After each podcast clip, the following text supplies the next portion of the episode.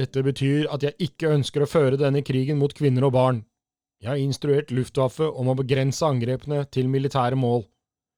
Skulle fienden imidlertid betrakte dette som å gi han lisens til å bruke omvendte tiltak mot oss, skal han få så kraftig svar at stjerner vil danse foran øynene. I kveld avfyrte for første gang regulære polske styrker skudd på vårt territorie. Siden klokken 05.45 har vi besvart ilden. Nå vil bombe bli møtt med bombe. Den som kjemper med giftgass, skal bekjempes med giftgass. Han som tar avstand fra reglene for en human krigføring, kan bare forvente at vi tar tilsvarende skritt. Jeg vil lede denne kampen, uansett hva som måtte komme, og hvem som er motstander, inntil rikets sikkerhet og dets rettigheter er sikret.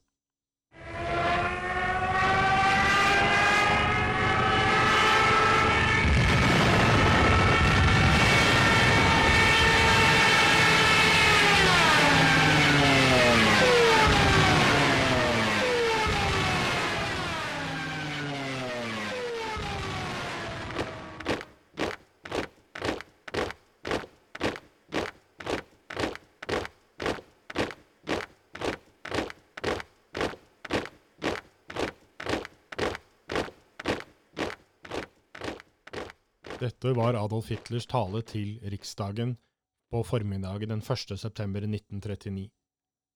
Polen hadde angrepet først, nå skulle det svares med all makt for å beskytte Det tredje riket. Adolf Hitler hevder han ikke ønsker å angripe sivile.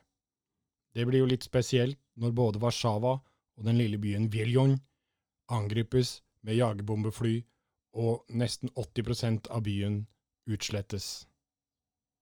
I Vieljorn er det ca. 1200 drepte, de fleste sivile.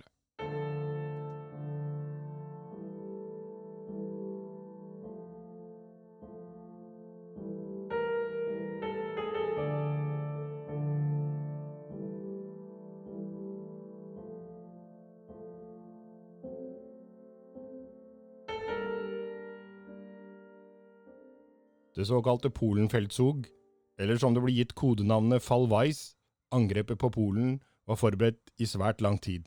Hemmelige agenter fra nazistenes sikkerhetstjeneste i samarbeid med lokale i Polen, spesielt såkalte Volksdeutsche, tysktalende som bodde på polsk territorium, hadde i lang tid kartlagt hva som var viktig når angrepet skulle skje. Dette gjaldt spesielt plasseringen av polske tropper og forsvarsverk, men også en oversikt over hvem i det polske samfunnet som kunne ha betydning i en eventuelt motstandskamp. Nazistenes Sicherheitsdienst, sikkerhetstjenesten, hadde siden 1936 utarbeidet mapper på de som skulle da arresteres eller skytes ved invasjonen i Polen. Sonderfandungsbuch Polen, en spesiell bok, inneholdt over 61 000 navn. Det var navnene på de som skulle interneres eller henrettes umiddelbart etter invasjonen. Disse listene var utarbeidet av Geheime Staatspolizei, Gestapo, under ledelse av Reinhard Heydrich. Den gikk under kodenavnet Unternehmen Tannenberg, eller også kjent som Intelligensaksjon. Formålet var å utrydde intelligensiaen i Polen. Operasjonen varte til januar 1940, men allerede i slutten av september 1939 var nærmere 60 000 myrdet av innsatskommandoene som hadde dette som spesialoppgave, og polititroppene som kom inn etter invasjonsstyrkene.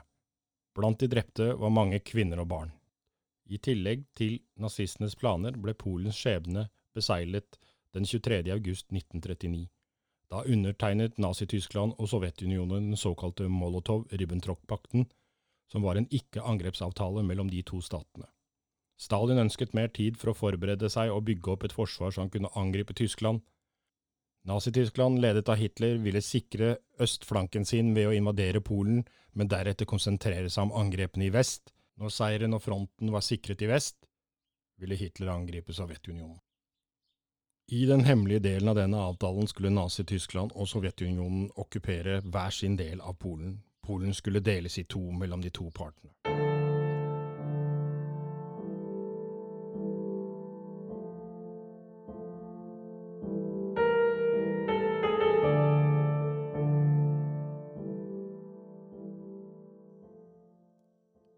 En rekke fingerte angrep ble iverksatt for å få det til å se ut som om Polen angrep først.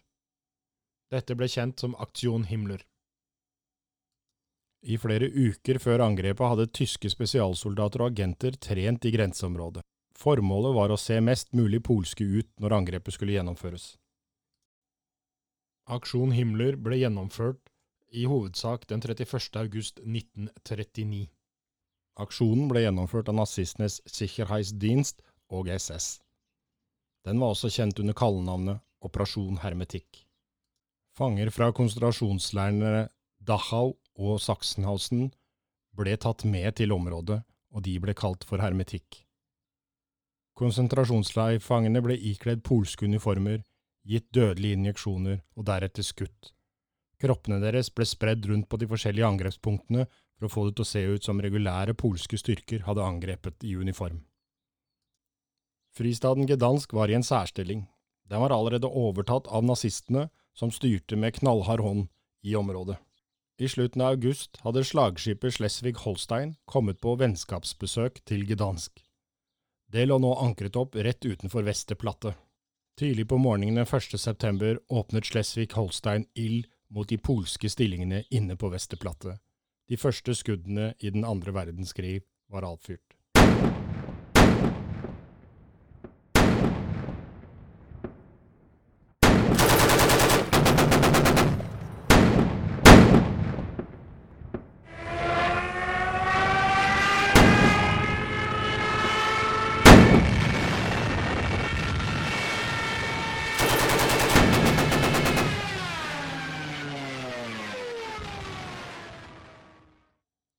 Frankrike og England har lovet å beskytte Polen mot enhver form for aggresjon.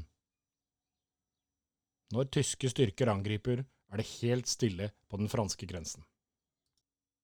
Den 17. september 1939 rykker Sovjetunionen inn med store styrker fra øst og hærtar den biten som var avtalen i Molotov-Ribbentrop-pakten. Polen er nå fullstendig okkupert.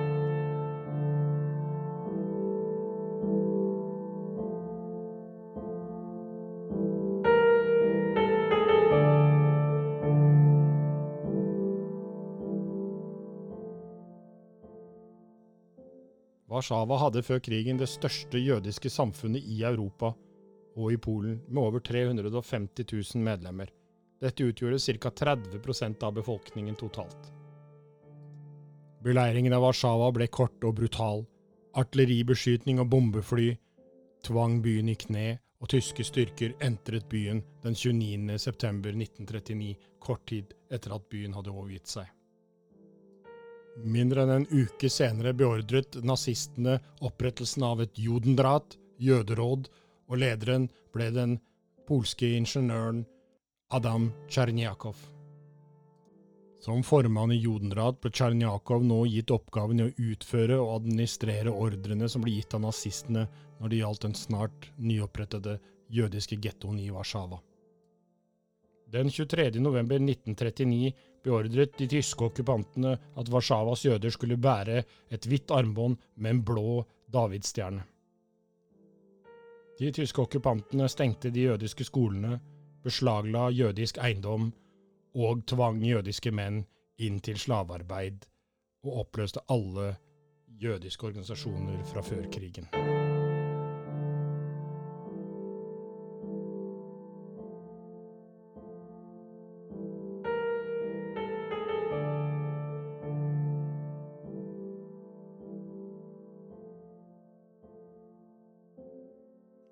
Den 12. oktober 1940 kom de tyske okkupantene med en resolusjon som krevde at alle jøder skulle flytte inn i den nylig etablerte gettoen i Warszawa.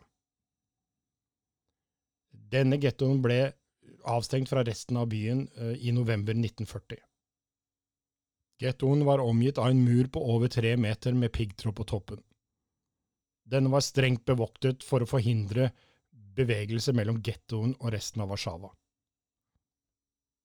Innbyggertallet i gettoen eksploderte når jøder fra de nærmeste byene ble tvunget til å flytte inn til Warszawa, og det ble estimert til å være over 400 000 jøder. Nazistene tvang 400 000 jøder til å leve på et område mindre enn 3,3 kvadratkilometer, noe som gjorde at i snitt var 7,2 personer per rom i byggene. Matrasjonene gitt av de tyske okkupantene til gettoen var ikke nok til å opprettholde liv. I 1941 var det i gjennomsnitt 1125 kalorier per jøde inne i gettoen. Tsjernjakov skrev i sin dagbok 8. mai 1941 Barn sulter i hjel.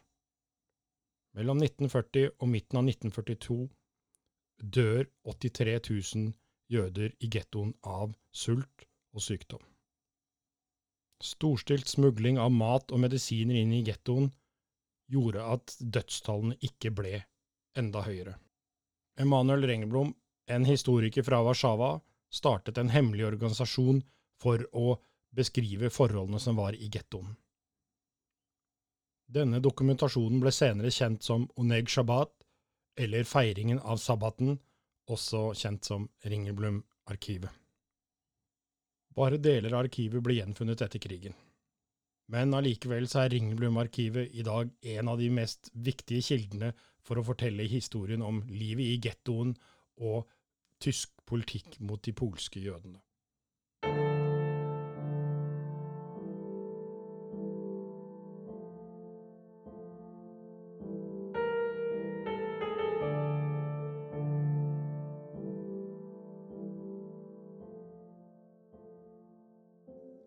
Så kom ordren om likvideringen av gettoen i Warszawa. Fra den 22. juli til den 12. september 1942 gjennomførte tyske SS, politienheter og Travnikis massedeportasjoner fra Warszawa-gettoen til Fernichtungslager Treblinka, utryddelsesleiren Treblinka. I denne perioden ble nesten 265 000 jøder deportert fra Warszawa til Treblinka. Under denne operasjonen ble ca. 35 000 jøder drept inne i selve gettoen.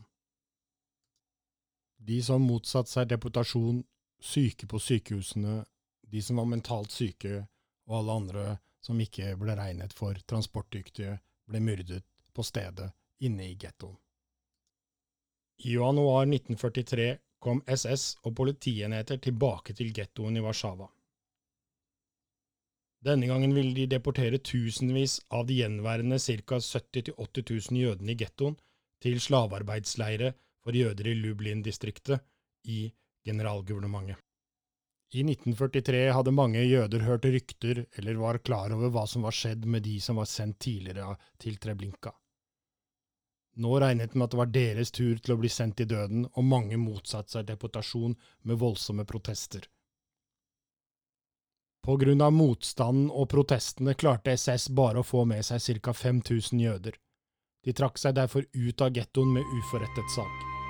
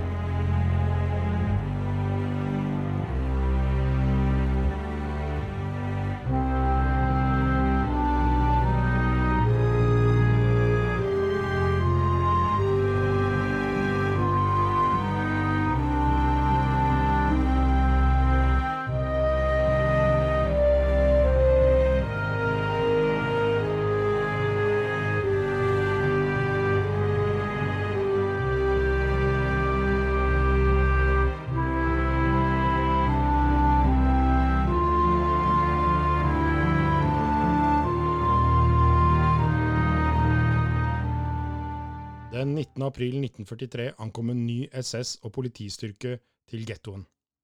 Nå skulle gettoen likvideres totalt, og de gjenværende innbyggerne skulle overføres til slavearbeidsleire i Lublin-distriktet.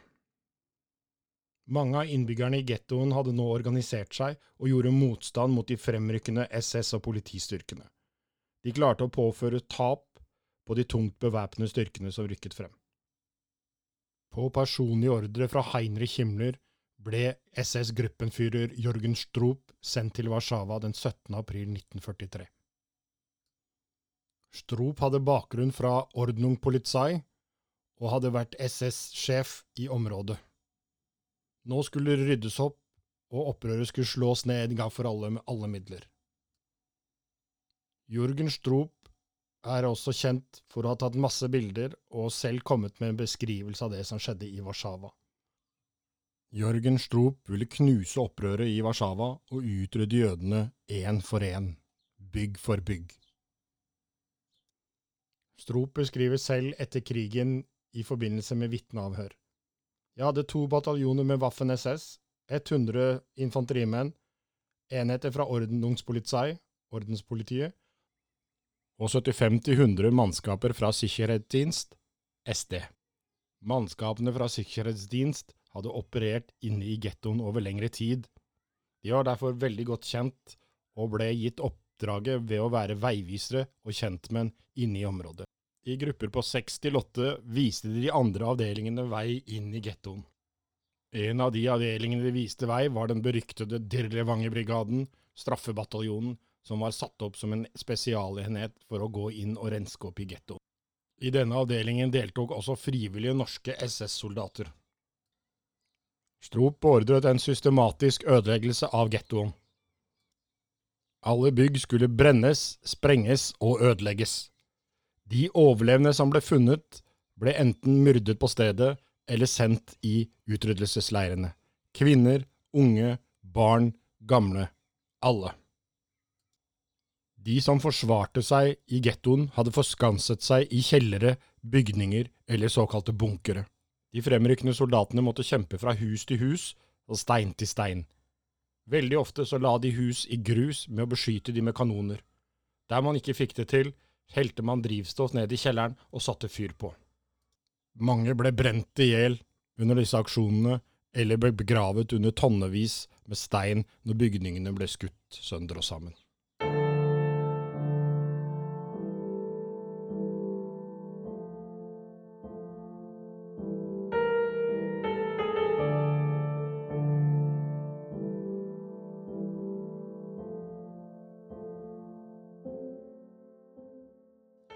At opprøret var slått ned, beordret Strop sprengningen av den store synagogen i Warszawa. Han beskriver i detalj hvordan dette var. For et fantastisk syn dette var. Et fantastisk stykke teater. Min stab og jeg sto på litt avstand. Jeg holdt i den elektriske utløseren som ville detonere alle ladningene samtidig. Jesuitter ba om stillhet. Jeg kikket over på mine modige offiserer og menn, som var slitne og skitne. De sto i silhuett mot de brennende bygningene bak. Etter en liten pause ropte jeg Heil Hitler og presset på knappen. Med et øredøvende smell og en regnbue av farger steg ildkulen mot himmelen. Dette var en uforglemmelig triumf over jødene. Warszawa-gettoen eksisterte ikke lenger. Ikke bare beordret Strop masse bilder tatt av hendelsen, men han skrev i tillegg en 75 siders rapport full med bilder, og på forsiden sto det Es gibt keinen judischen Wohnbestirst in Warschau mer. Den jødiske bosetningen i Warszawa eksisterer ikke lenger.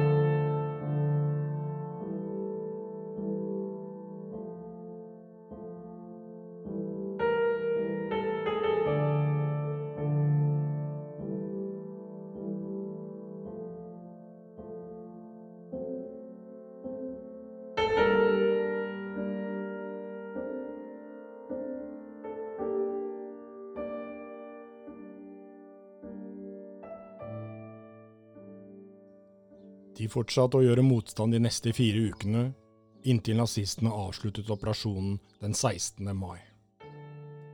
Nazistene deporterte nesten alle de gjenværende 42 000 jødene til Lublin Majdanek konsentrasjonsleir, til Ponjatjova, Travniki, Budsjin og Krasjnik slavearbeidsleire. Med unntak av noen få tusen jøder som var slavearbeidere i Budsjin og Krasjnik-leirene, myrdet SS og politienheter nesten alle Warszawa-jødene som ble deportert til Lublin, Majdanek, Ponyatova og Travniki i november 1943 i den såkalte Aksjon Ernstfest, operasjon innhøsting. Flere tusen jøder hadde overlevd i ruinene inne i Warszawa-gettoen. Og måneder etter likvidasjonen av gettoen angrep de ved flere anledninger politistyrkene som patruljerte området. Den 1. august 1944 reiste den polske hjemmehæren seg, Armia Krajova, en ikke-kommunistisk undergrunnsbevegelse mot de tyske okkupantene. Og Grunnen til dette var at på den andre siden av Vistula sto de sovjetiske styrkene, og Stalin hadde lovet polakkene dersom de reiste seg mot okkupantene, skulle de få hjelp. De sovjetiske styrkene neglisjerte alle rop om hjelp og ble stående og se på mens nazistene slo tilbake. Med sovjetiske soldater som tilskuere nedkjempet nazistene opprøret i Warszawa oktober 1944. Mange av de tilfangetagne opprørssoldatene ble behandlet som krigsfanger mens nazistene sendte tusenvis av sivile vestover til konsentrasjonsleirene i riket. 166 000 mennesker mistet livet i opprøret. Inkludert i dette tallet er kanskje så mange som 17 000 polske jøder som sloss enten med hjemmestyrkene eller hadde blitt oppdaget mens de gjemte seg. Sovjetiske styrker gjenopptok sin offensiv den 17. januar 1945 og frigjorde et ødelagt Warszawa. Mer enn 90% av bygningsmassen var borte. Ifølge polske data var det omtrent 174 000 gjenlevende i byen. Mindre enn 6% av det som hadde vært der før krigen. Ca. 11 500 av de overlevende var jøder. Opprøret i Warszawa-gettoen var det største og symbolsk viktigste jødiske opprøret, og det første opprøret i en by i det okkuperte Europa. Motstanden i Warszawa inspirerte andre opprør i gettoer, som eksempel Bialystok og Minsk, og i utryddelsesleirene Treblinka og Sobibor.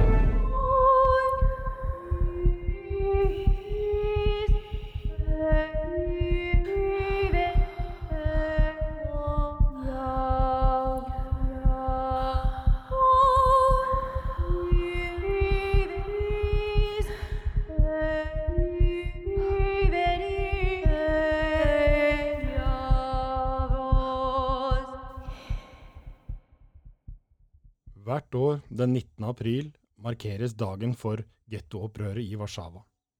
Det varte fra den 19. april til 16. mai 1943. Hvert år markeres opprøret i Warszawa med en påskeliljeaksjon. Hvorfor påskeliljer? Den siste overlevende leder fra Warszawa-opprøret, Marek Edelmann, pleide å få en bukett gule påskeliljer av en anonym person på denne datoen. Han la selv disse blomstene på det store gettomonumentet i Warszawa. Påskeliljene av papir, som folk pleier å gå rundt med den 19. april, er inspirert av dette. Det er Paulin-museet som nå står for denne påskeliljeaksjonen. Her kommer reklame. Det forrige musikkstykket denne podkasten er produsert og laget av Gøran Dahl. Han kan du treffe og høre mer av på Spotify, YouTube og iTunes. Informasjonen som er brukt i denne podkasten, er hentet fra United States Holocaust Museum and Memorial, HL-senteret, Åpne kilder, Norsk leksikon og Yad Vashem. Denne podkasten er støttet av Hvite busser. Reis bakover, tenk fremover.